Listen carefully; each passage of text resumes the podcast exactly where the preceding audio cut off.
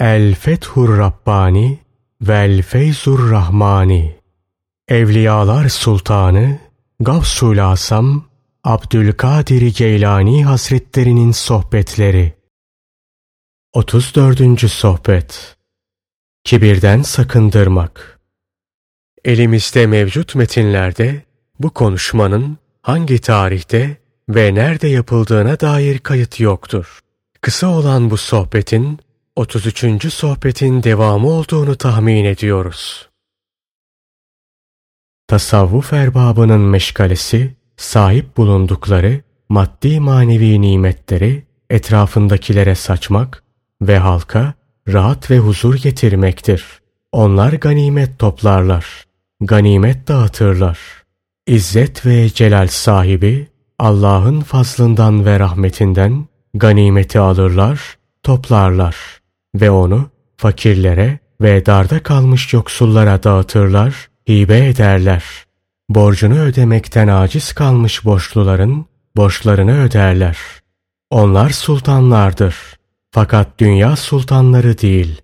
Zira dünya sultanları ganimete konarlar fakat ganimet dağıtmazlar. Tasavvuf ehli mevcud olanı dağıtır, ellerinde olmayanı da dağıtmak için beklerler. Onlar insanların elinden değil, izzet ve celal sahibi hakkın elinden alırlar. Bedenen çalışarak kazandıkları, halk için olduğu gibi kalpleriyle kazandıkları da halk içindir. Hem bedenen kazandıklarını hem de kalben kazandıklarını halka verirler. Onların huzur ve rahatı için harcarlar. Onlar bunu sırf Allah rızası için yaparlar. Hevai arzular için yapmazlar. Nefsani maksatlar için yapmazlar. Övülmek, methedilmek için yapmazlar. İzzet ve celal sahibi Hakk'a ve insanlara karşı kibirlenmeyi bırak. Zira kibir, İzzet ve celal sahibi Allah'ın cehennemde kendilerini yüzüstü düşüreceği zalimlerin sıfatları cümlesindendir. İzzet ve celal sahibi Allah'ın takdirine razı olmadığın zaman ona karşı kibirlenmiş olursun. Müessin ezanı okuduğu zaman hemen namazı edaya koşmuyorsan ona karşı kibirlenmiş olursun. Onun mahlukatından birine zulüm ve haksızlık edersen ona karşı kibirlenmiş olursun. Yaratıklarının en zayıfı vasıtasıyla seni mahvetmeden önce hemen ona dön. Nitekim Nemrud'u ve diğer bir kısım hükümdarları mahlukatının en zayıfları vasıtasıyla helak etmiştir. Allah'a dön ve günahlarına tevbe et. Hem de samimi ve ihlaslı olarak. Gerek Nemrut ve gerekse diğer hükümdarlar Allah'a karşı kibirlenip büyüklenince o da onları önceleri azizken sonraları zelil ve hakir kıldı. Önceleri zenginken sonraları fakru zarurete düşürdü. Önceleri nimetler içindelerken sonraları azaba duçar kıldı. Yaşayıp dururlarken öldürdü. Muttakilerden olunuz. Şirk, zahirde de bulunur, batında da. Zahirdeki şirk, putlara tapmaktır. Batındaki şirkse, Allah'ı bırakıp, insanlara dayanmak, onlara güvenmek ve zararı da, faydayı da onlardan bilmektir. İnsanlar içinde öylesi vardır ki, dünya avcunun içindedir. Fakat onu sevmez, ona gönül vermez. O dünyaya malik olur, fakat dünya ona malik olmaz. Dünya onu sever, fakat o dünyayı sevmez. Dünya onun peşine düşer, fakat o dünyanın peşinden gitmez. O dünyayı istihdam eder, hizmetçi olarak kullanır. Fakat dünya onu istihdam edemez, kendisine hizmet ettiremez. O dünyayı yani sahip bulunduğu dünya nimetlerini dağıtır, parça parça eder. Fakat dünya onu dağıtamaz. Kalbi sırf Allah için halisleşmiş, salihleşmiştir. Dünya ona ifsad etmeye muktedir olamaz. O dünyada tasarrufta bulunur, dünyaya hükmeder. Fakat dünya onda asla tasarrufta bulunamaz.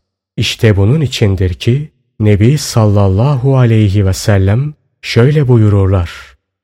İyi kimse için iyi mal ne iyi şeydir. Yine Allah Resulü sallallahu aleyhi ve sellem bir başka hadislerinde de şöyle buyururlar. Dünyada hayır yoktur. Dünya ancak şöyle şöyle yapan kişi için hayırlıdır. Allah Resulü sallallahu aleyhi ve sellem bu sözü söylerken sahip bulunduğu dünyalıkları iyilik ve salah yolunda harcayan kişiye işaret ediyordu. Elinizdeki dünyalıkları izzet ve celal sahibi Hakk'ın kullarının ihtiyaçları için harcayınız, dağıtınız. Dünyayı ve dünyalıkları kalplerinizden çıkarınız. Korkmayın. Böyle yaptığınız takdirde bunun size zararı olmaz. Dünyanın nimetleri, zinetleri ve şatafatı sizi aldatmasın. Zira pek yakında siz gideceksiniz. Dünyayı terk edeceksiniz. Sizden sonra o da gidecek, o da yok olacak. Ey oğul! Kendi aklına fikrine güvenip de benden müstani olma. Zira hiç şüphe yok ki sen dalalete düşebilirsin. Kim ki kendi aklına, kendi fikrine güvenir ve kendisini müstani sayarsa dalalete düşer, zelil olur, hakir olur, ayağı kayar. Kendi aklına fikrine güvenerek başkalarından kendini müstani sayarsan hidayetten ve himayeden mahrum kalırsın. Zira böyle bir durumda sen hidayeti de himayeyi de aramamış ve sebeplerine tevessül etmemiş olursun. Ben alimlerin ilminden müstaniyim. Benim alimlerin ilmine ihtiyacım yok diyor ve ilim sahibi olduğunu iddia ediyorsun. Peki hani öyleyse amel? Hani amel nerede? Bu iddianın tesiri nedir? Hani bu iddiayı ispat edecek delil? İlim sahibi olduğunu iddia ediyorsun. Senin bu iddianın doğruluğu ancak amelle, ihlasla, belaların vukuunda gösterilecek sabırla, genişlik ve darlık anlarında sabit kalmakla, musibet ve sıkıntı demlerinde ahuzar etmemekle ve halinden insanlara şikayetçi olmamakla açıklık kazanır, sebat bulur. Eğer ilminle amel ediyorsan, amelinde ihlaslıysan, belalara sabredip tahammül gösterebiliyorsan, gerek darlık anlarında ve gerekse bolluk anlarında aynı tavırda sabit kalabiliyorsan, musibetlerin vukuunda ahvah etmiyorsan ve zorluklar karşısında insanlara halinden şikayetçi olmuyorsan, işte bu takdirde sen ilim sahibisin demektir. Oysa şimdiki halinle sen bir körsün. O halde nasıl gördüğünü iddia edebilirsin. Sen anlayışı hasta birisisin. O halde anlama iddiasında nasıl bulunabilirsin? Bu yalancı iddiandan hemen Allah'a dön. Sana yalnız o lazımdır. Başkası değil. Her şeyden yüz çevir ve her şeyin yaratanı Allah'ı ara. Sana ne hak yoldan çıkmışlar lazım ne de sonradan dönüp önceki kusurlarını telafi edenler. Ne mahvolanlar lazım ne de bir takım faziletlere malik olanlar.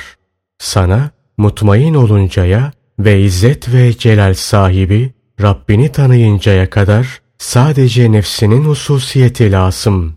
Ne zaman ki mutmain olur ve Rabbini tanırsan, işte o zaman kendinden başkasıyla ilgilenebilirsin. Sana Rabbinin muradının geniş yolu gerek. Oraya girmeli, orada bulunmalısın. Dünyada da, ahirette de Rabbinin beraberliğini iste. Sana takva gerek. Allah'tan başka şeylerden sıyrılma gerek. Sana ebedi mahvoluş, yok oluş ve kendinden geçiş gerek. Emirlerle nehilerin haricinde hiçbir şeyde nefsini ortaya atma.